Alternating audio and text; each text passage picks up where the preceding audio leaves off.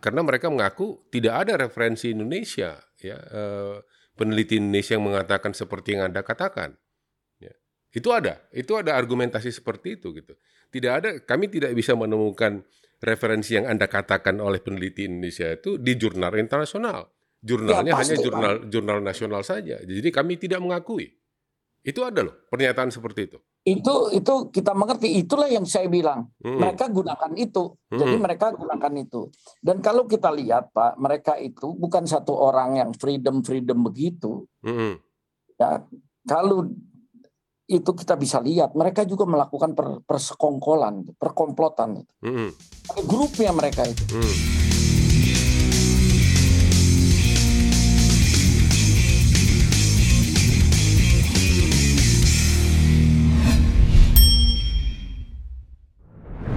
Lagi dalam Tagar Togar Podcast. Saya Togar Sitanggang masih bersama Pak Basuki Subaminata. Bagian kedua dari episode mengenai gambut. Kali ini kita sedikit pendalaman mengenai gambut dan sawit. Kalau episode pertama kita membicarakan gambut itu apa dan gambut Eropa, gambut Indonesia, energi dan segala macam. Kita sekarang mari kita fokuskan dengan eh, gambut dengan kelapa sawit di Indonesia pada saat ini. Pak Basuki, eh, menurut perkiraan Bapak berapa sih? eh, wah, kita kan nggak punya data yang benar ya. Kira-kira apa data kita kan ya gitu deh, gitu ya. Tapi eh, di Indonesia ini eh, kelapa sawit yang ditanam di di gambut itu kurang lebih berapa banyak, Pak?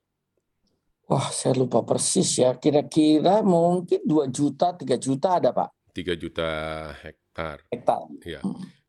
Kalau kita pakai tadi di episode sebelumnya, eh, Mm-mm. gambut itu 26, 28, 18, bla bla bla gitu ya. Kalau Hmm. 2 juta berarti pemanfaatannya hanya eh, 2 per 30 ya. Ya, Eh, kira-kira 10 persen, 10-15 persen ya. ya kira-kira 15 persen ya. 15 persen untuk eh, pemanfaat gambut yang dibandingkan dengan total luasan kelapa sawit itu sendiri ya segitu juga ya sekitar Ya 10-15 kira-kira ya hampir mirip-mirip 16 juta kan ya kira-kira Iya. segitulah Pak. Eh, Mm-mm. kurang lebih 10 persen. Tetapi permasalahan gambut ini menjadi yang 10 persen ini menjadi lebih besar daripada yang 90. Itu kira-kira kenapa? Pak? Ya karena eh, gampang diserang ya Pak. Gampang diserangnya. Ya jadi eh, gambut kalau gambut itu Mhm. gampang di, di dibawa orang tuh gampang digiringnya. Mm-mm. Jadi sebetulnya eh, kita itu menjadi emisinya besar dari lahan gambut kan itu angka default. Mm-mm. Angka kalau kita kagak punya angka ya pakai angka pembantu lah default lah ya Mm-mm. angka kasar. Mm-mm. Jadi kalau kita ukur semua mungkin nggak sebesar itu Mm. gitu loh. Masalahnya kan nggak punya kemampuan sehingga kita dihitung berdasarkan angka default. Dan itu Nah, di, diratakan Nah, semua. default itu kurang ajarnya mula-mula mereka mengajukan ya eh, waktu mereka menyerang kan gini Pak berita itu kan udah lama dari 2010 diserangnya sebelum Hmm. 2010 kan nggak ada yang nyerang Mm-mm. Ya pe- penyerangan itu baru ada 2009 2010 jadi eh, ketika 2010 mereka menyerang itu dihubungkan dengan drainase Pak Mm. jadi kalau kamu mendrainase sekian se- sebutlah eh, 80 cm, maka setiap 10 cm akan mengemisikan gas kira-kira 8 ton, maka tinggal dikaliin. Hmm. Kamu eh, turunkan air berapa? 80 cm, 8 kali eh 80. 80 kali 8, 8 ton gitu loh, sekian puluh ton jadinya. Mm. Jadi dan itu buat orang yang hobi mengestimasi-estimasi itu kan sangat mudah memang gampang Mm-mm. ya kan? Nah, jadi itu yang menjadi sasaran gitu loh. Untuk kita mengukur-ngukur itu tidak sebesar itu ya. Tetapi kan membutuhkan kalaupun kita mau pakai sungkup berapa banyak sungkup dan kalau kita mau pakai tower berapa banyak tower supaya bisa mewakili Indonesia. Akhirnya kita cuma berbantah-bantah saja Mm. ya. Kita segini loh, kita segini loh, tetapi belum bisa merubah data default Oke. gitu loh. Ya. Eh, eh, itu persoalannya. Jadi eh, data itu belum mampu mengganti data yang udah nongkrong di di di default itu database. Mm -hmm. Mm -hmm. Jadi eh, padahal kalau dalam kenyataannya kalau boleh dibilang itu kan setiap daerah atau setiap wilayah yang ditanam sawit itu berbeda-beda. Berbeda-beda, Pak. Jelas. Ya. Air juga begitu. Ya. ya kan orang orang berpikir kan begitu tanam sawit akan emisi karbon. Mm -hmm. Ya.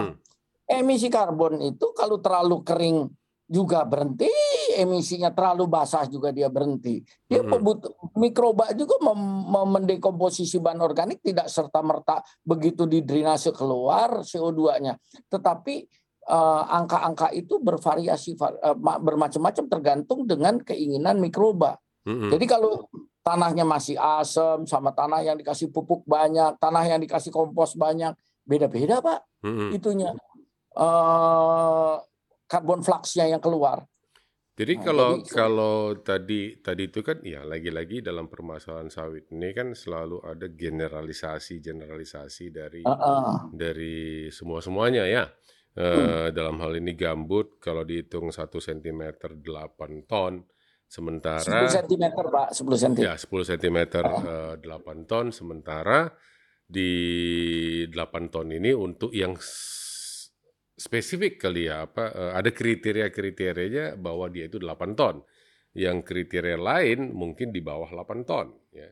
Tapi eh, yang menjadi pertanyaan saya itu kadang bagaimana eh, bisa menjelaskan atau menjawab ya eh, bahwa tidak sebegitu gitu loh. Ini ini kan ya saya saya kira eh, salah satu cara ya saya undang Bapak di sini ya untuk menjelaskan gitu bahwa emisi karbon dari dari dari gambut itu tidak serta merta yang punya ada sawit yang punya yang yang berada di lahan gambut berarti dia mengemisi karbon 8 kali sekian sekian sekian kan gitu ya? Mm. harusnya kan seperti itu ya gitu ya. E, kalau itu berdasarkan tebal tipisnya gambutnya enggak Enggak, Pak. Kalau Enggak. menurut saya itu faktornya itu semua berhubungan dengan uh, yang ada di ruang peraka, uh, di ruang yang tidak tergenang itu. Mm-hmm. Tetapi begini, kan orang pengennya begini, Pak. Air berapa senti? 40 senti mm-hmm. atau 50 senti. Oh, mm-hmm. berarti emisinya segini. Pertanyaannya, apa air itu tetap? Mm-hmm. Ya kan? Apa kelembaban tanah itu tetap? Mm-hmm. Kalau dia tanah terlalu lembab, terlalu basah, walaupun muka air tanah itu 40 cm ya tanah yang terlalu basah, itu karbon fluxnya juga tidak terlalu tinggi. Hmm. Kalau dia kering sekalipun ya, kalau kering sekalipun karbon fluxnya juga turun juga karena kan ini benda hidup, Pak. Hmm. Kalau terlalu kering mikrobanya juga turun. Hmm. Nah, eh, aktivitinya sekarang oh pak kalau kering kebakaran eh itu tunggu dulu kebakaran mah topik lain ya mm-hmm. kebakaran mah topik lain ini mah dekomposisi sama mikroba aja nah yang dekomposisi sama mikroba itu juga tergantung sama mm. apakah kondisi itu membuat mikroba itu favorable sangat sesuka gitu loh sangat nikmat mm-hmm. ya kalau nah cuman kan jadi persoalan gini pak Bas oke okay lah aku punya satu kebun mengukur sebutlah uh, lima enam titik. Satu minggu cukup nggak? Nggak bisa pak. Hmm. gitu kan? Banyak orang mengukur-ngukur cuman datang tiga menit. Kan ngukurnya kan nggak lama pak. Tiga hmm. menit ya menit satu dua tiga udah. Dapat hmm. kaliin setahun. Coba bayangin berapa kesalahannya. Jadi itu harus lama pak. Hmm. nah itu yang jadi persoalan ya Nah, tetapi ujung-ujungnya Pak, Bapak udah nulis, udah udah neliti, udah tulis, selama Bapak publishnya itu di di publikasi Bapak sendiri, nggak akan dibaca. Nggak, nggak akan nggak aci katanya Pak, nggak aci kalau anak SD itu nggak dihitung ya, nggak dihitung. Kamu harus publish di jurnal internasional dong. Uh. Yang juri-jurinya mereka lagi Pak. Yeah. Jadi itu tidak mudah, ya mau masuk ke jurnal yang ber, bergengsi itu, kita kan juga jadi orang Indonesia sangat bangga kalau kita publish di jurnal bergengsi. Tetapi kalau kita ber, publish di jurnal bergengsi, ya, yang menentang kenormalan yang ada itu tidak mudah. Bisa juga Bapak ditolak. hmm. gitu loh. Jadi hmm. jangan pikir kita udah neliti pasti bisa publish. Itu butuh, butuh banyak teknik-teknik lain. Hmm. Gitu nah, loh. Jadi itu sebetulnya.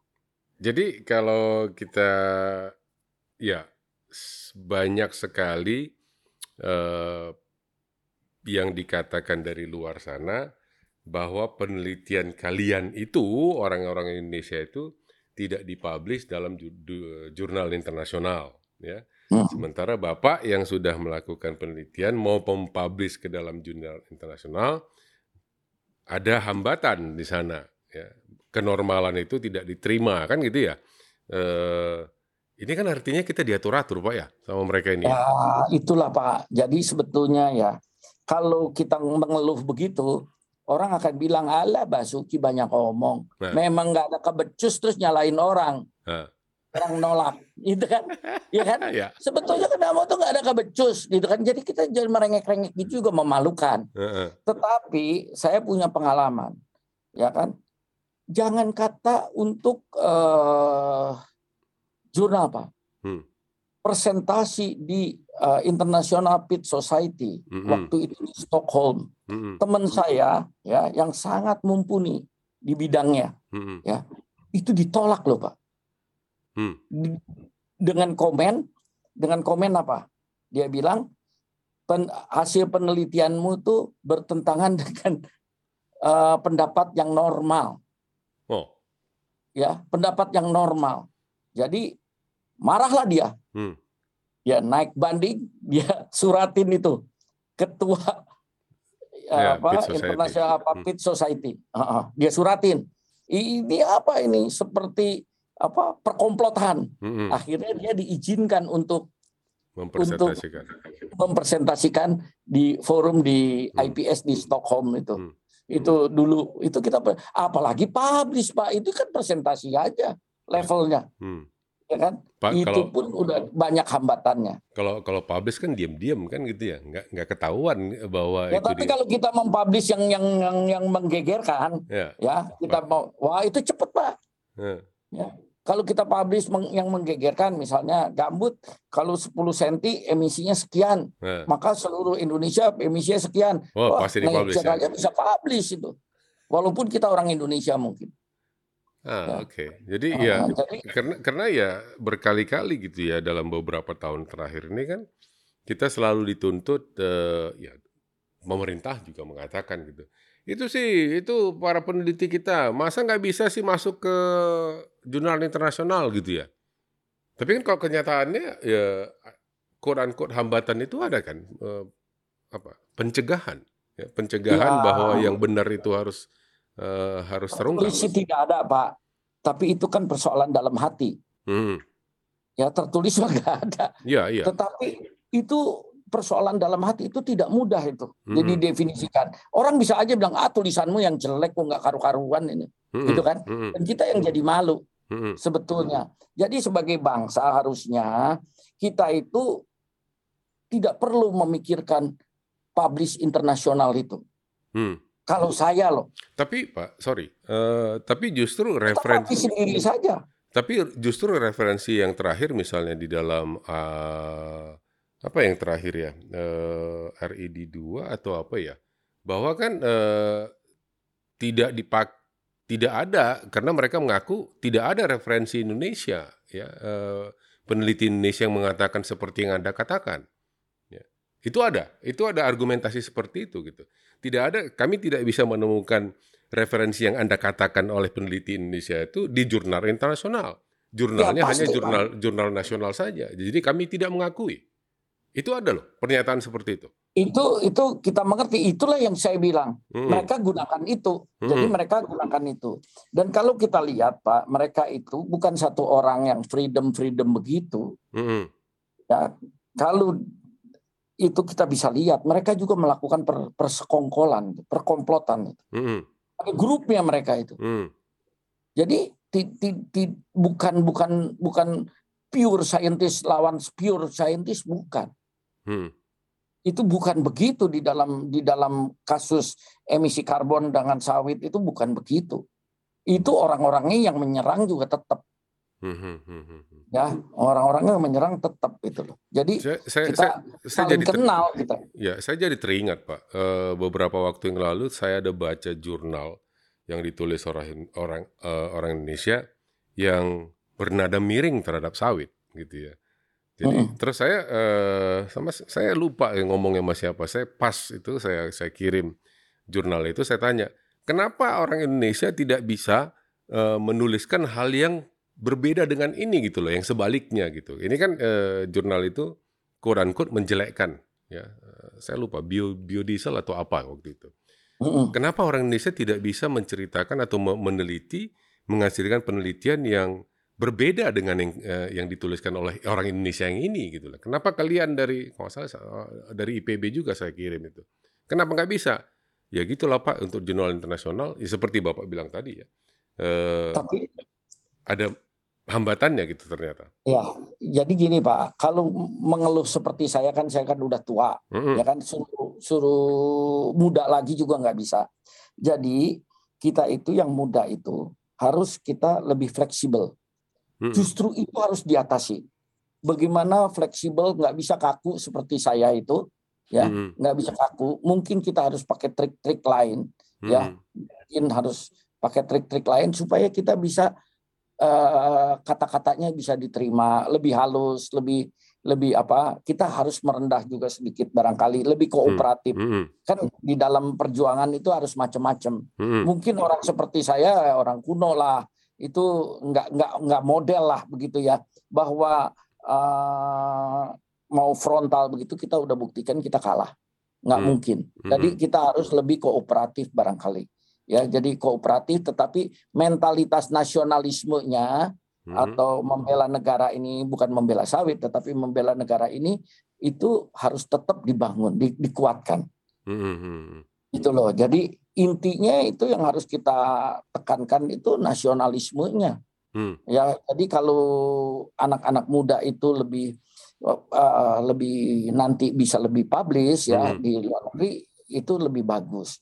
Ini kan persoalannya macam-macam juga. Saya itu kan lulusnya juga udah terlalu tua, ya kan. Jadi udah kaku. Terus kemudian saya masuk ke apa universitas yang tidak hobi berdebat, Pak. Jadi di dunia saya, di dunia saya itu berdebat itu aib, Pak. Heeh. Dari di, di dunia apa yang saya belajar itu, kita itu ada, bukan mendevelop debat. Debat tuh aib lah. Tapi Tetapi tapi kalau kita, Mas- masalah debat Pak ya, saya saya baru baru lihat satu headline eh, pemberitaan ya, menteri menteri kita, menteri pendidikan mengajak ya bahwa setiap mahasiswa datang ke ke ke ke apa ke ruang kuliah itu tidak lagi mendengarkan dosen ya, tetapi me- mempersiapkan diri untuk berdebat mengenai topik yang sudah diberikan oleh dosen. Itu kan sudah udah mulai ada pelajaran seperti itu. memang itu kita harus begitu kali supaya Ya. kita eh, lebih bisa berkomunikasi. Ya. Ya, Eh, karena kalau kita mengajar mahasiswa dengerin itu udah, saya juga pikir itu udah nggak zamannya. Heeh. ya kan jadi eh, kita harus itu Eh, tetapi jangan lupa Amerika kan hobinya memang berdebat Ya, ya kan ya, emang hobinya berdebat ya. tetapi kemajuan juga bisa dicapai oleh negara yang tidak berdebat seperti Jepang Ya. ya kan Ya. Nah, Jepang itu kan tidak tidak hobi berdebat jadi kita harus ambil jalan tengahnya Mm-mm. Ini nih cerita nih Pak Togar kemarin dia ada kejadian yang lucu Mm-mm. Jadi coba saya bilang, boro-boro kita mau bilang, saudara topik kuliah kita berdebat tentang ini. Kan Hmm. harusnya begitu maunya. Mm-mm. Tetapi kan karena ini pelajaran masih semester 3, masih introduction, Mm-mm. jadi kita ngajar lah. Mm-mm. Bahannya nggak banyak. Kemudian saya bilang ada pertanyaan, nggak ada yang nanya. Mukanya juga ditutup. Jadi entah dia itu ngedengerin nggak, nggak. Habis saya bilang, aku pusing nggak kalau ngajar kayak begini, iya kan? gimana itu loh kamu tuh eh, ngajar gak didengerin? Kemudian dipotong. Dikirim ke TikTok coba ah terus teman-teman tanya Pak Pak Bas itu dimasukin ke Twitter tuh mau dihukum apa anaknya? Hukum, hukum apa? Masa aku mau yang beginian aku bawa ke undang-undang ITE kan kurang ah udah, jadi capek lah kalau dipikir-pikir gitu loh. Tapi ya, tapi ya itu mungkin ya apa ya sistem pelajaran kita lah Pak ya. Eh, Mm-mm. Masih mengajar mencari-cari, Pak. ya aj- mengajar eh, belajar dan mengajar itu masih tetap terus mencari bentuk. Tapi anyway, eh, balik ke persoalan sawit Pak.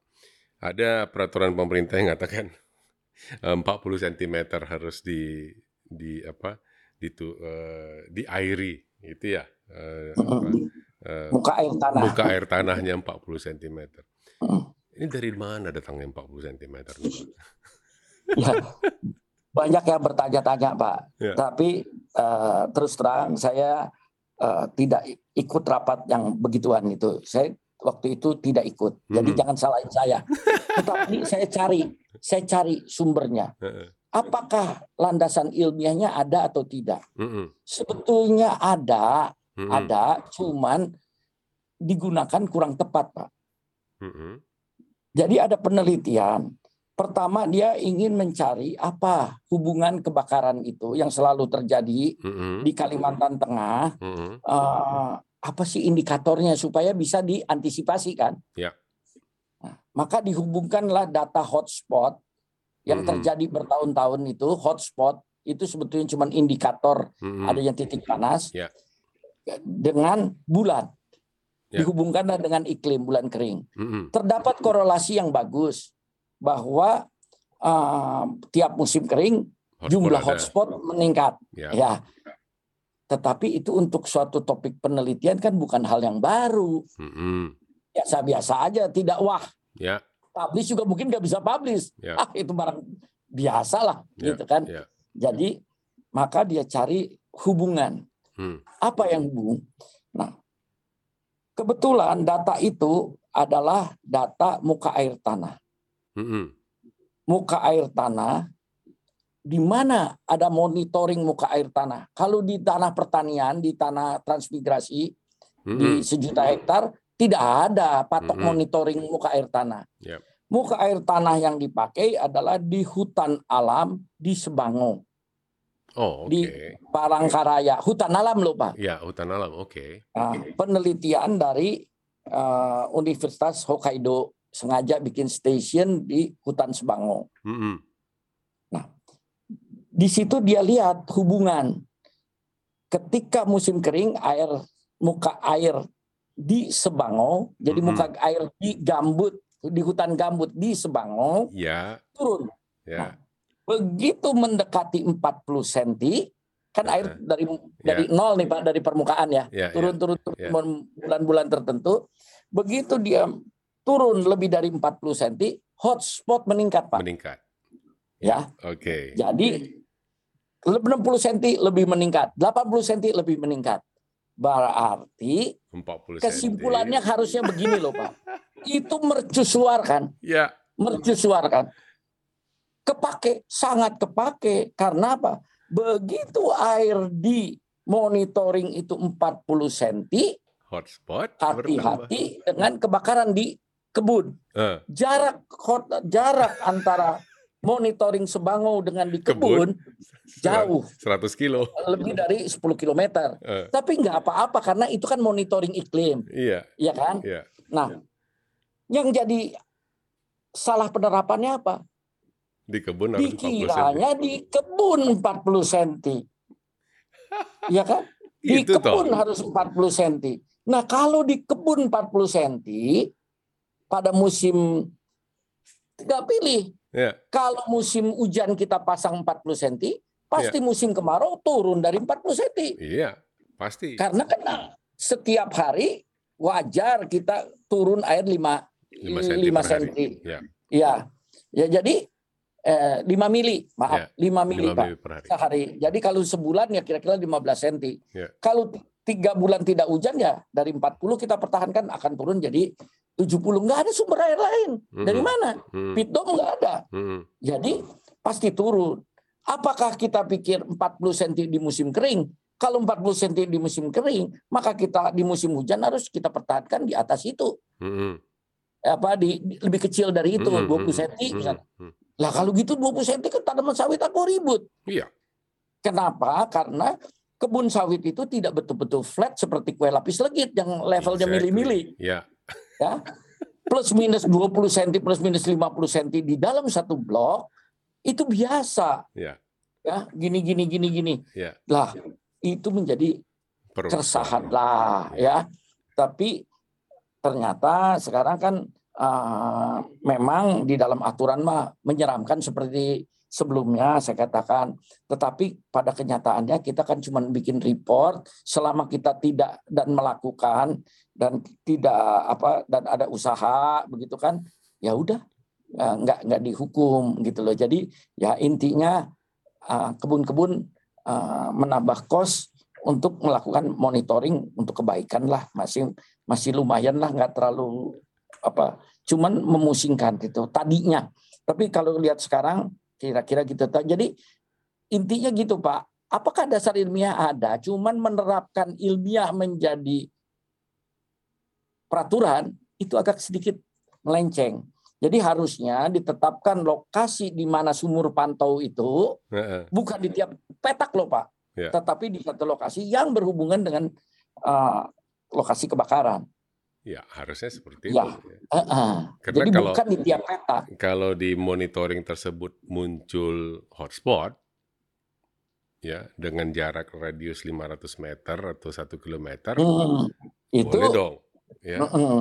korelasinya bisa bisa bisa dianggap benar gitu ya.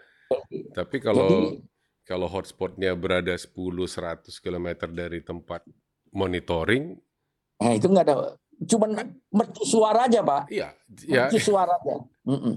karena eh, Sebagai karena apa, apa, ya? monitoring. kesulitannya jadinya ya dari se- pada prakteknya pada awal-awalnya PP itu muncul. Aparat kam, aparat hukum datang loh Pak ngukur dengan dengan tongkat kayu 40 cm loh. Dibeginiin. Tangkep. Itu kejadian loh. Bisa loh Pak, bisa. Karena kalau udah hukum, Ya. hitam putih kan Pak. Iya. Kalau hukum mah hitam putih karena di dalam hukum itu tidak dibilang, Mbak, ujungnya kan barang siapa. Iya. Nah. pasti di undang-undangnya itu barang siapa Tapi yang kan- melanggar. Tapi kan ya lagi-lagi yang saya nggak mengerti dalam dalam peraturan ini mohon maaf ya. eh, itu 40 cm itu kan absolut. Betul. Kalau dia itu 39 41 itu kan tidak lagi itu sudah melanggar hukum gitu loh. Kalau kalau demi pengadilan, demi pengadilan Pak, Ya. hakim bertanya misalnya kepada saya, Pak Basuki, kalau 40 dengan 39 di luar konteks ini ya, Mm-mm. di luar konteks eh, Muka air tanah. kalimat muka air tanah. Eh. Kalau dalam peraturan tidak boleh lebih rendah dari 40. Ada orang muka air apa ininya 39. Menurut saudara secara itu salah atau enggak? Salah lah. Ya. Salah. Kalau itu itulah yang makanya ya saya itu agak sedikit apa khawatir dari dulu itu bagaimana itu dan tadinya mengukur di mana juga menjadi Tahan bos. Ya kenapa? mati. Mati. Kenapa? Enggak Pak. Bisa ditulis. Terusin aja. Oke. Ya. Jadi tadinya saya juga agak khawatir. Hmm. eh, begini Pak, di lapangan itu di mana ngukurnya? Mm-mm. Kan akhirnya keluarlah titik pen- penaatan atau pentaatan, ya kan? Ya. Keluar titiknya harus di sini. Ya sedikit melegakan. Tetapi banyak masalah itu jangan dikirain titik penaatan itu aman tentrem. Banyak orang protes dan sebagainya saya tahu itu karena ada yang di titik penaatan itu ternyata bukan gambut. Tapi ya bukan gambut. Jadi bagaimana Pak bikinnya? Udahlah, la- potret laporkan, potret laporkan saja. Jangan jangan diperdebatkan lah. Dia juga pusing kita kita berapa kepusingan. Jadi sekarang kelihatannya Pak memang bagi yang mengerti tidak menjadi persoalan tetapi yang saya khawatirkan kalau ada orang yang tidak mengerti kasusnya Ya. atau kondisinya Ya. bisa jadi masalah hukum di kemudian hari. Ya, itu. Ada beberapa perundangan yang seperti itu itu ada beberapa Pak sebetulnya. Mm-mm. Ya, ada beberapa eh, perundangan yang menyangkut jika melebihi ini maka pelanggaran hukum itu ada itu. Teman untungnya eh, tidak terlalu banyak orang yang tahu. Dan dan 40 cm ini kan eh, berlaku umum ya, bukan hanya perusahaan. Berlaku umum, Pak. Bagaimana dengan petani yang di lahan gambut? Ya kalau sebetulnya kalau peraturan mah harus berlaku Pak, tetapi sepertinya kita kan menyadari uh, petani nggak punya kemampuan. Akhirnya di beberapa tempat itu cuman uh, apa proyek pemerintah membangunkan pintu-pintu uh, air atau apa uh, stop lock itu apa apa pintu ah, saya lupa ya. ya pintu air lah ya nah. untuk supaya air jangan mengalir. Jadi dibantu, tetapi monitoringnya mas saya kira. Ya, maksud saya gitu pak ya uh, apa? Ya kita dalam hal bernegara perlu peraturan kan ya. Mm -mm. Tapi kalau peraturannya itu yang quote unquote nggak bisa diterapkan secara umum, kenapa tidak dilakukan dituliskan secara benar bahwa berlaku untuk gitu loh. Atau ya. bagi perusahaan gitu ya yang ini atau ya dan kalau memang kenapa harus ada angka 40 absolut? Ini ini pandangan pribadi. Kenapa tidak dibuat 40 45 atau 35 40 atau 40 ya. 30? Itu ada range itu kan akan lebih memudahkan dalam hal monitoring dan pengawasan. Betul Pak, itu itu apa eh, angka absolut itu sangat menyulitkan itu ya dan itu sudah lewat diskusi panjang tetapi karena ini pada waktu itu pemikir-pemikirnya itu memang berkesimpulannya begitu karena mungkin niatnya saya kira mentalnya begini loh Pak. Jadi mentalnya itu saya pemerintah apa uh, mencurigai perusahaan itu nakal. Hmm. Mentalnya saya saya kalau saya lihat begitu hmm Perusahaan ini memang biang ini, mm-hmm. gitu loh. Ya, memang kita jadi di dalam hati itu kelihatannya memang ingin ingin mengatur. Mm. Jadi bukan memberi sene, uh, kemudahan, bukan. Mm-hmm. Memang memang ini mesti diatur nih, gitu loh. Mm-hmm. Tetapi ya ketika mengatur itu kita tempo-tempo lupa, terlalu semangat lah kalau saya sih bilang terlalu semangat. Tempo-tempo kita lupa lah bagaimana kalau di Taman Nasional dan sebagainya? Dan ini PP loh Pak ya, dilakukan, peraturan pemerintah. Dilakukan pengukuran nggak? Ya. ya. Ya, siapa yang monitor itu? Itu jadi saya itu jadi dari dulu kan saya bilang ini harus apa uh, ketika negosiasi itu atau kita itu. Tetapi saya juga ngerti Pak, ngerubah PP itu kan yang nanti tangan presiden Pak. Ya. PP itu. Jadi sekali diundangkan itu tidak mudah dicabut gitu. Kalaupun nanti dicabut terjadi keributan lagi, kenapa dicabut? Pasti permintaan grup togar nih. ya kan? Ah, itu loh. Jadi makanya sebaiknya ya sebelum diundangkan itu harus dipertimbangkan baik-baik sebetulnya. Jadi itu loh. Padahal itu pasti udah melewati itu. Tetapi saya sih bilang terlalu semangat lah. Gitu ya. Oke, Pak. Kebakaran hutan ya selalu hmm. dibilang lahan gambut yang terbakar dan selalu itu untuk sawit. Itu kalau dari di episode sebelumnya uh, ada apa uh, Golda yang dari pe, pa, apa, Palangkaraya hmm. mengatakan ya nggak benar 100% karena ada yang menjadi perumahan, ada yang menjadi agroindustri yang lain gitu ya, bekas-bekas yang terbakar itu di sekitar Palangkaraya. Kalau pengalaman Bapak sendiri, apakah bakar sawit, gambut, eh, bakar, gambut, saw, eh, gambut terbakar sama dengan sawit. Jadi berita itu sebetulnya dari ketidakmampuan media juga, Pak. Ketidakmampuan Orang -orang, atau ketidakmauan? Ke, pengetahuannya itu kurang, okay. kurang dibina. Okay. Ya, artinya begini, bukan kejahatan, Pak, bukan niat, hmm. tetapi kurang pengetahuan aja. Ya, mhm. misalnya begini. Lahan gambut di Jawa terbakar. Mana ada lahan gambut? Di Gunung Ciremai lahan gambut terbakar. Hmm. Sebetulnya terbakar mah lahan terbakar. Tetapi lagi model kalau terbakar itu gambut, hmm. ya. Jadi yang, men yang memeriksa berita itu kuranglah, kurang kurang hati-hati. Hmm. Jadi lahan karena kurang nggak ngertinya gitu loh, hmm. ya.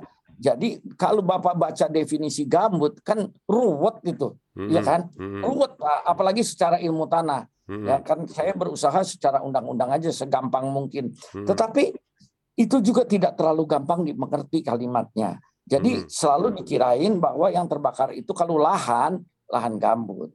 Padahal di Sumba juga lahan terbakar, di Timor juga lahan terbakar, lahan kering. Di Mhm. Jawa juga lahan terbakar, di Gunung Lawu 2015 terbakar sampai empat orang meninggal. Mm-mm. Gunung Lawu, ya kan? Ya, ya. Nah, ya. jadi orang itu udah berpikir, udah di dalam kepalanya seperti kalau lapar itu kita mesti makan, Oke. ya kan? Gitulah kira-kira. Ya. Oh kepala, kenapa ya perut aku bunyi ketuk-ketuk? Wah Hmm. mesti makan nih. Mm-mm. Padahal belum tentu, mungkin kurang minum, kurang apa gitu kan? Ya. Belum tentu. Jadi begitu. Nah, jadi karena kita bukan ahli di situ, akhirnya kita bilang uh, sering kita ambil generalisasi.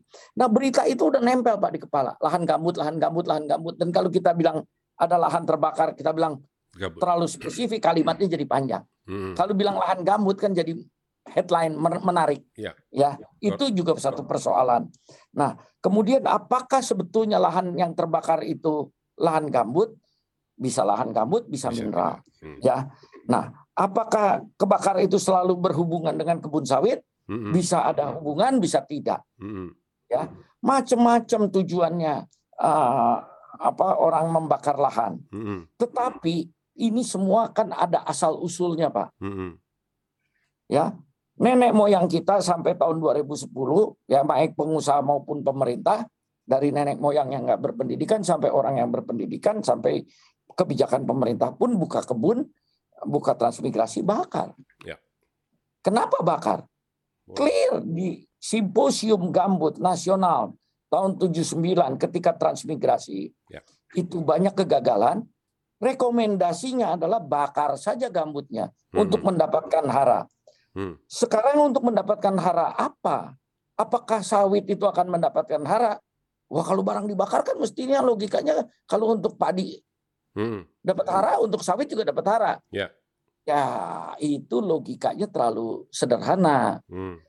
Tidak begitu. Mm. Jadi begini sebetulnya.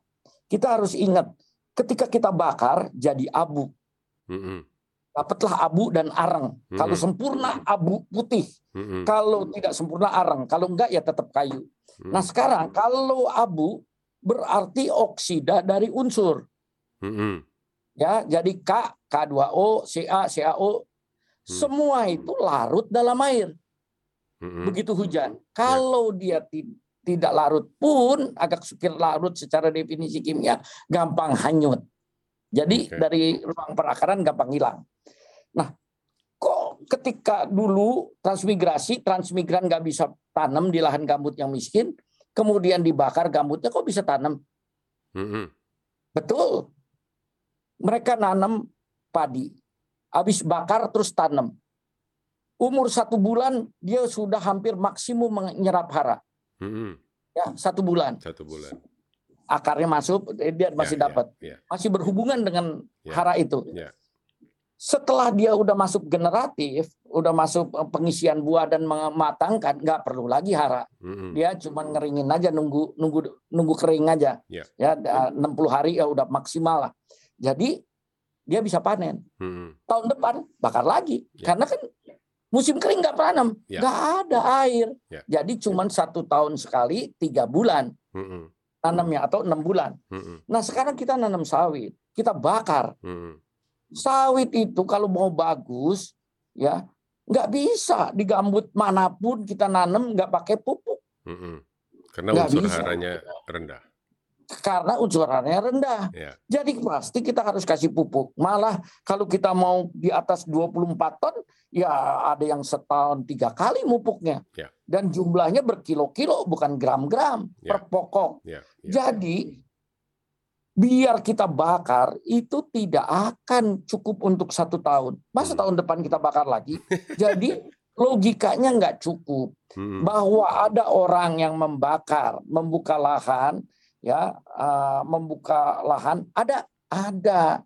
Nah, terutama orang yang bukan pekebun. Mm-mm. Kalau pekebun kan bibitnya juga beli mahal, Pak. Ya. Ya, Ya. tetapi adalah volunteer apa bukan volunteer apa uh, broker lah apa uh, maklar, pedagang maklar. pedagang Ya, lah pedagang. maklar lah Hmm, jadi misalnya terutama ya kalau saya sih kira-kira di mana lokasinya saya bisa kira-kira hmm, hmm. jadi daerah-daerah yang sungainya berbelok-belok kalau kita lihat sungai Pak Ya. dari hulu kan Ya, ya. deras Hmm. tapi begitu dia masuk ke dataran dia berbelok-belok ya. di situlah ada banyak danau-danau atau situ-situ Hmm, yang pada musim hujan itu menampung. rata dengan sungai banjir. Ah, iya. Ya, daerah itu datar. Hmm, hmm. Ketika musim kering, rakyat petani itu mengelola itu di pinggir-pinggir nanam kacang, Mm-mm. semangka, Hmm, seperti tempat yang subur tanpa pupuk. hmm, hmm. Ya, karena dapat air banjir, dapat bahan organik dan seterusnya. Nah, tanah-tanah seperti itulah datar menjanjikan sekali untuk ditanam tanaman Hmm, hmm. tahunan seperti sawit. Hmm, Tetapi hmm, tidak bisa, Pak. hmm. Dia pasti udah coba. Musim hujan tenggelam 3 meter. Iya. Sawit dia baru satu meter, 2 meter. Selesai. Tenggelam 3 meter berbulan-bulan. Mati. Mati. Dia jual. Bangkrut lagi. Dia jual lagi bangkrut. Terus saja berputar-putar. Daerah itu pada musim kering itu jadi belukar. Luas loh Pak. Nah itu bakar. Biasa itu. Dan itu tempat di situ tempat ikan berkumpul juga. Ya. Ya, jadi ya tempat-tempat seperti itulah sebetulnya ah, ini ada bibit sawit setelah di kebakaran. Iyalah, tapi pasti satu dua lah itu eh, apa orang-orang yang betul-betul perusahaan yang nekat-nekat begitu. Karena hukumannya terlalu ber, terlalu berat, Pak. Ya. Itu apa banyak kan ya pengusaha bukan pengusaha ya kalau saya bilang tuh broker lah cuman apa Pokoknya yang dia- jual-jual surat tanah lah Ya, dia, yang dia, dapat tanahnya juga kurang begitu bukan dari beli lah. ya, dia tanam dulu baru jual ntar kemudian. Ya, coba-coba lah kalau jadi ya untung gitu loh. Ya. Oke Pak, baik Pak, Pak Pak Basuki, terima kasih sudah bergabung ya di bagian kedua ini. Eh, kalau memang makin populer, kita balik lagi Pak. Ya, Tapi nanti memang- kita cari topik lagi. Ya, cari topik lagi. Tapi kondisi memang eh, untuk dua bagian, untuk dua episode ini memang kita lakukan secara online ya, karena eh, Pak Bas eh, belum ya merasa nyaman untuk apa? Untuk bisa tatap muka langsung ya Pak ya. Ya, Ya, Pak. jadi jadi Ya. kita lakukan secara online. Mudah-mudahan di waktu mendatang kalau Pak Bas lagi datang ke apa? menjadi tamu di episode ini juga eh, bisa tatap muka langsung Pak. Jadi kita bisa ketawanya jadi lebih lebih enak gitu ya, saling lihat ketawanya gitu ya di di satu ruangan. Ya, eh, sekali lagi terima kasih Pak Basuki atas Sama. kehadirannya di episode 2, dua episode yang yang sudah kita lakukan ini eh, berbicara mengenai gambut ya, baik gambut Eropa, gambut Indonesia dan bagaimana persepsi eh, media dan kemudian menjadi persepsi masyarakat mengenai gambut ya.